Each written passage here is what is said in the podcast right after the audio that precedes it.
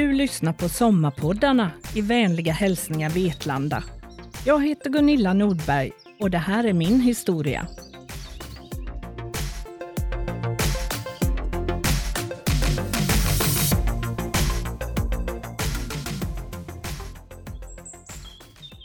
Jag föddes en majdag för 67 år sedan i Göteborg.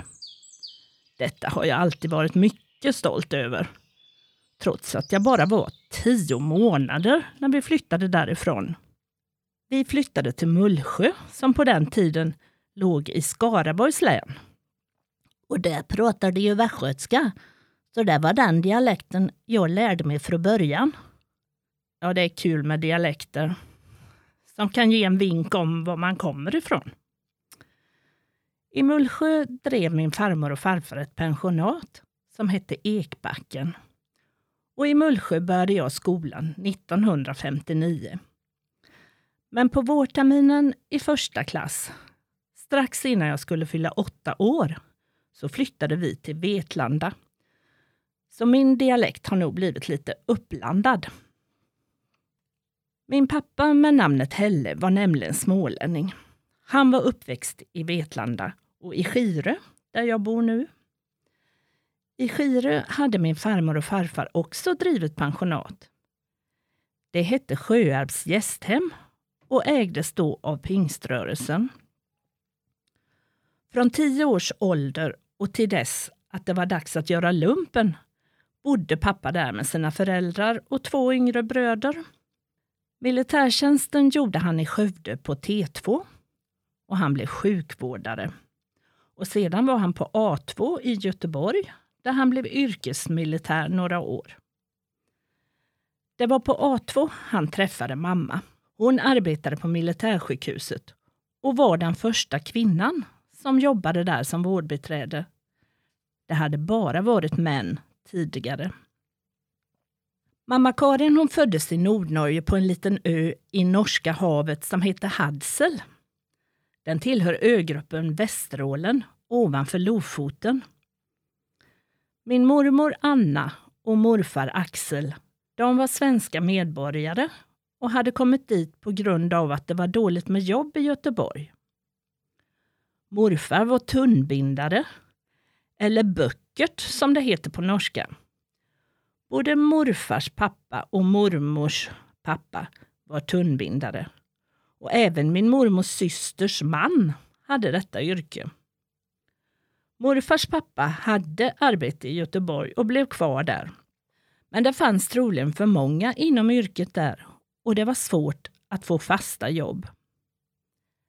En dag på Arbetsförmedlingen fick de beskedet att i Norge sökte man just tunnbindare till fiskeindustrin. Det fanns jobb lediga i Bergen och i Tönsberg och långt uppe i Västerålen i Nordnorge. De bestämde att de skulle dra lott. Här stod nu tre män, tre nära släktingar och drog var sin lott som skulle avgöra deras framtid. Det slutade med att min mormors pappa, som varit enkeman ett tag, hamnade på en liten ö som heter Vallö utanför Tönsberg. Där blev han kvar resten av livet och där ligger han begravd.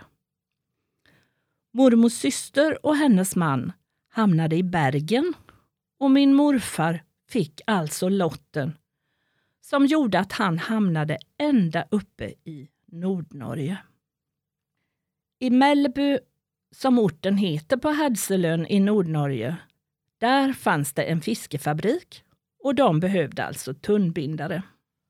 Mormor och morfar packade ihop sina tillhörigheter men tog bara med sig det nödvändigaste och naturligtvis sina två små flickor på sju och fem år och gav sig iväg på en nästan 200 mil lång resa. I Mellby fick de hyra ett hus av fiskefabriken. Huset kunde morfar sedan köpa och där bodde de i över 30 år.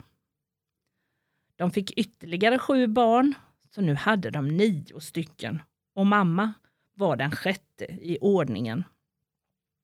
Mormor hon var bara tillbaka två gånger under hela denna tid och hälsade på sina syskon och släkten i Göteborg. Jag har varit med mamma hem, hem till hennes nordnorska paradis.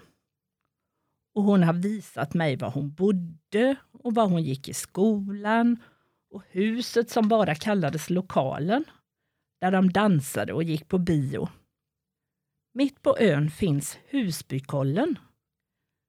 Det är ett runt trädbevuxet berg som är 513 meter över havet med en sjö högt där uppe som heter Urvattnet. Det var mammas favoritställe som hon också visade mig. Hon brukade ofta gå dit med sina syskon och fiska och plocka bär och de sov över i en liten stuga där uppe. En dag när de var där och plockade blåbär hade mamma fått med sig en alldeles ny hink att plocka i. Rätt som det var så snubblade hon och tappade sin hink som var full med blåbär. Hinken rullade och studsade ner för den branta sidan av berget. Det fanns inte en chans att hon kunde gå ner och hämta den där. Den var borta för alltid. Nu blev hon väldigt rädd. Vad skulle hennes pappa säga när hon kom hem utan den nya hinken? Han var nämligen mycket sträng. Och mamma och hennes syskon brukade få stryk om det var något som irriterade honom. Varje helg drack han alkohol från sin egen hembränningsapparat. Sådana apparater fanns i så gott som varenda hem på den tiden. Det märkliga var att när morfar fick sprit i kroppen blev han istället väldigt snäll och medgörlig. Det var bara på helgerna han drack, för arbetet skötte han alltid perfekt. Mamma som varken blivit döpt eller konfirmerad, för det fanns ingen kyrka i Melbourne när hon var barn. Hon bad nu till Gud hela vägen hem. Gode Gud, gör så att pappa är full. Men nu var det ju bara onsdag och han brukade som regel aldrig dricka i veckorna. När hon kommer innanför dörren där hemma så sitter hennes far vid köksbordet och är full som en alika. Hon skyndar sig att berätta om hinken som rullat iväg ifrån henne. Som genom ett under hör hon honom säga. Det gör inget lilla vän. Huvudsaken är att du inte själv rullade ut för berget. Från den dagen började min mamma tro på Gud på allvar. För hon tyckte att hon fått ett så påtagligt bönesvar. Mormor var sömmerska och sydde kläder till andra och till sin stora familj med nio barn. De behövde aldrig svälta, även om de inte hade något överflöd.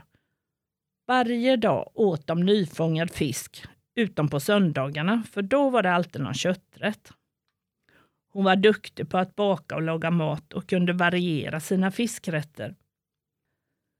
Trots allt hårt slit var mormor alltid glad och hade nära till skratt, precis som min mamma också hade. Det ordnar sig, sa de alltid. Detta nordnorska landskap med sina öar och fjordar och fjäll är utan tvivel något av det vackraste man kan uppleva.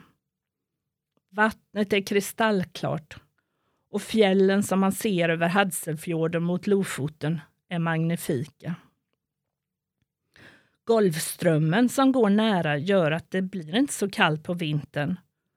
Och ljuset dygnet runt på sommaren gör att det är väldigt grönt och frodigt. De vilda växterna jag såg de var nästan dubbelt så höga som här hemma i Småland. På vintern däremot känns det som om någon dragit ner rullgardinen.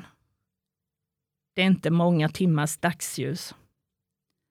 I flera månader ser man överhuvudtaget inte solen över horisonten. På våren när fiskarna kommer in med sina båtar så brukar de ropa ut att de sett solen vid horisontlinjen. En sån dag kunde mammas granne säga Docker ska vite att nå kommer sola med ett hönseskritt för hver dag.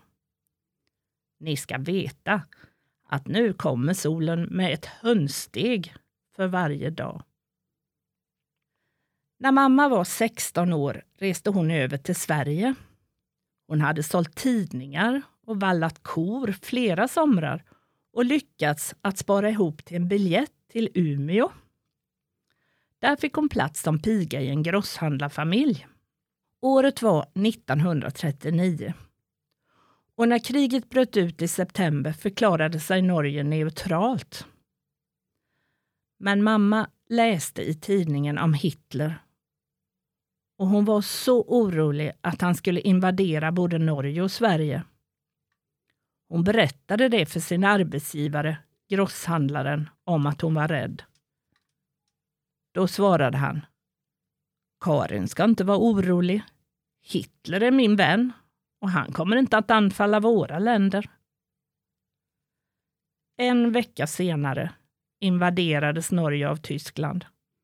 Det var den 9 april 1940 och efter två månaders strider tvingades försvaret lägga ner vapnen. Och Norge blev ju ockuperat ända tills freden kom 1945. Flera av mammas äldre syskon hade redan sökt sig till Sverige och Göteborg. Efter ett år i Umeå flyttade även mamma dit. Hon sökte genast arbete och hittade en annons från Hulda Hanssons tebrödsbageri. De sökte en flicka. Damen som ägde bageriet hette Rut och var brorsdotter till Hulda Hansson som startat bageriet en gång. Det var ju stor arbetslöshet vid den här tiden under andra världskriget. Och därför var det många som sökte platsen. Men Rut hade av någon anledning bestämt sig för att om det kom en norska och sökte platsen så skulle hon få den. Och så blev det. Karin från Norge med svenska rötter fick platsen. Något av det första mamma gjorde när hon kom till Göteborg var att söka upp en kyrka där hon kunde bli döpt och få gå och läsa för prästen. Hon skämdes så att hon inte fått göra detta hemma i Norge. Det blev den välkände Göteborgsprästen Gerhard Rexius som döpte henne och lät henne bli konfirmerad. Eftersom mormor och morfar var svenska medborgare fick de lov att ta sig ut från Norge och kunde resa hem till Göteborg. De lämnade huset till sin äldste son Knut som ville vara kvar. Han hade nämligen gift sig med en flicka från Melbu och hon hade ju sina föräldrar och sin släkt där. Men när kriget var slut flyttade även Knut och hans fru till Sverige. Och idag har jag ingen släkt kvar i Nordnorge. När mamma sedan hade gift sig med pappa öppnade hon en liten kaffe och porslinsaffär i Gamlestan i Göteborg. Hon kallade den Kajsas kaffebod. Pappa fick jobb på kontoret på SKF. När de varit gifta i fem år utan att det blev några barn så rekommenderade läkaren miljöombyte. Och pappa han drog iväg ända till Korea där han hamnade mitt i det brinnande kriget. Efter det att Nordkorea anfallit sin södra granne beslöt Sveriges regering med kort varsel att bidra med ett fältsjukhus. Röda Korset gjorde upprop i Sveriges Radio för att rekrytera personal till insatsen. På hösten 1950 anlände läkare, sjuksköterskor och annan personal till Busan för att starta upp verksamheten i Svenska Röda Korsets fältsjukhus. Pappa var där i ett år och cirka nio månader efter att han kommit hem föddes jag på KK2 i Göteborg. Tiden som sjukvårdare i Korea påverkade pappa hela livet. Han kunde aldrig glömma den tiden och pratade ofta om det. Att uppleva krig på nära håll är ju inget man önskar någon. Men aldrig verkar människorna på jorden lära sig av tidigare erfarenheter. När jag var 36 år flyttade jag tillbaka till min födelsestad. Och i maj 1994 öppnade jag och min man Fred en hantverksbutik mitt i centrala Göteborg. Vi kallade boden Frenillas bod. I drygt åtta år drev jag boden som låg i Kronhusbodarna. Området där är Göteborgs äldsta kvarter och byggdes för militären en gång i tiden och ligger inne vid gatorna bakom Gustav Adolfs torg. I en av de gula hantverkslängorna fanns Frenillas bord. 1995 kom den stora snöstormen som lamslog hela Göteborg. Det var den 17 november och jag blev insnöad. Jag höll på att julskylta och sen på kvällen när jag skulle åka hem var det ett sånt fruktansvärt busväder så jag beslöt att sova över i boden. På morgonen gick dörren inte att få upp. Det hade blåst yrsnö runt kronhuset så dörren till Frenillas bord var fullständigt övertäckt av en stor snöhög ända upp och ovanför. Fönstren var försedda med inbrottsgaller, så därigenom kunde man inte ta sig ut. Jag fick upp några centimeter och fick börja skrapa med en matsked. Efter idogt skrapande och karvande med matskeden kunde jag trycka till dörren så att den gick att öppna så pass mycket att jag kunde få ut en sopskyffel och fortsätta att gräva mig ut. Ett underbart vinterlandskap hade sänkt sig över hela Kronhusgården. Det var så tyst och märkligt. Inte en människa syntes till och ingen kunde ta sig dit på hela dagen. Och detta mitt i centrala Göteborg. Jag fortsatte att julskylta och på kvällen så fick jag pulsa hem i snön. Det var sex kilometer hem till berget ovanför Nya Varvet där vi bodde. Inga spårvagnar eller bussar gick. Lokaltrafiken stod stilla och man mötte glada människor på skidor mitt i spårvagnsspåren. Jag stortrivdes i min lilla bod i Kronhusbodarna och jag hade väl aldrig någonsin tänkt något annat än att jag skulle vara där till pensionen. Jag njöt av att få vara i den här gamla historiska miljön, i de låga längorna runt kronhuset som varit verkstäder och smedjor för militären en gång i tiden. Men livet blir ju inte alltid som man tänker sig. 2002 kom jag till Småland för att klippa gräset i sommarstugan i Skirö och av en ren tillfällighet råkade jag få veta att ett hus vid Skiresjön var till salu. Den historien om hur vi vände upp och ner på livet och flyttade hit till Skirö och byggde upp en helt ny tillvaro med ny butik och café. Den har jag berättat många, många gånger. Och du som inte hört den kan nog riskera att få höra den vid ett annat tillfälle. Men jag tänkte berätta ett par små episoder från Frenillas bord i Skirö. En morgon när jag håller på att baka i kaféet så ringer telefonen. En röst säger på bred småländska Goddag. Det låter lite roligt och jag svarar ganska snabbt på samma sätt. Övertygad om att det var någon som skojade med mig. Ja, goddag på dig du. Jo, det är så att vi är två ifrån Hölsby och två ifrån Ökna. Och vi tänkte att vi skulle komma och dricka lite kaffe hos dig idag. Ja, men det var ju trevligt. Ni är så välkomna. Jag öppnar klockan elva. Ja, men nu undrar jag. Har i pulverkaffe? Nej, men det har jag ju inte. Jag maler hela kaffebönor och slår på hett vatten och brygger kaffet så och det blir jättegott. Jo, se det kan vara, men se, vi föredrar pulverkaffe.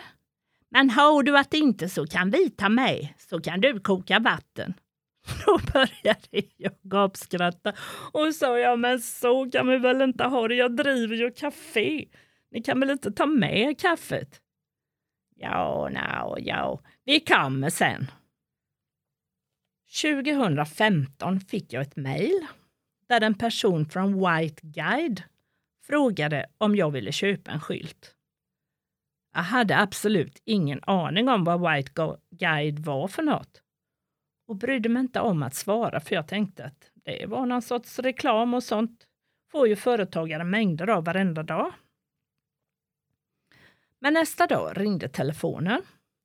En man presenterade sig och sa att han var från White Guide. Han undrade om jag inte skulle köpa en skylt nu när jag var med på listan. Jag vet inte att jag är med på någon lista, svarade jag. Jo, men du har blivit uttagen att vara med, säger han.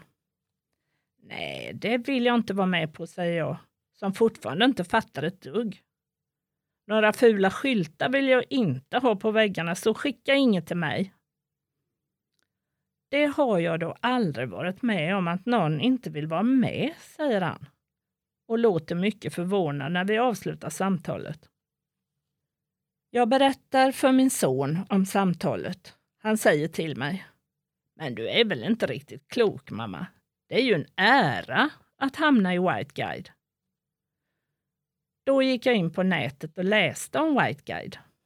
De listar de bästa kaféerna i Sverige. Jag insåg då att det kanske inte var så smart att tacka nej. Visserligen kände jag att kraven på mig skulle öka. Jag som inte har någon direkt utbildning inom konditorsyrket utan bakar mer på tjänst, sånt som jag själv tycker är gott. Men eh, rejält med äkta smör och kärlek ska det ju vara förstås. Snart satt det en fin vit skylt vid sidan av entrén. Och även året därpå. Sen var det dags att gå i pension. Åldern var inne. Man ska ju sluta när man är på topp, brukar jag säga. Nu för tiden ägnar jag mig åt de döda. Att forska på dem som gått före oss och ta reda på hur de hade det då. Det har blivit mitt stora intresse. Du umgås ju mer med döingarna än med mig, brukar min man säga ibland. Och han har nog rätt. Men det är så spännande att luska ut vem de var och var de bodde och vad de gjorde. Och för det mesta så får jag veta det. Till exempel var det märkligt att få veta att mormors far var född och uppväxt i Blädinge i Småland. Att han sen gick på Tunnbindaskola i Vinslöv. Och det var därför som mormor föddes där i Vinslöv. Att han sedan tog familjen med sig och flyttade till Smögen och sen till Göteborg för att till slut själv hamna på Lilla Vallö utanför Tönsberg och sluta sina dagar där. Hans anor i Småland gör min mamma, som föddes i Nordnorge, till ursmålänning. Jag är således släkt med sådana godingar som Peter Wieselgren, Lina Sandell och självaste Carl von Linné. Märit Larsdotter heter min och Linnés gemensamma anmoder. Att hon dog 1647 spelar väl inte så stor roll. Nu förstår jag ju varför jag alltid har haft samma älsklingsblomma som Linné. Smålands landskapsblomma, den doftande Linnean. Men första gången jag såg den blomma var långt uppe i Lappland på en rastplats på väg till Nordnorge för att få se var min mamma var född någonstans.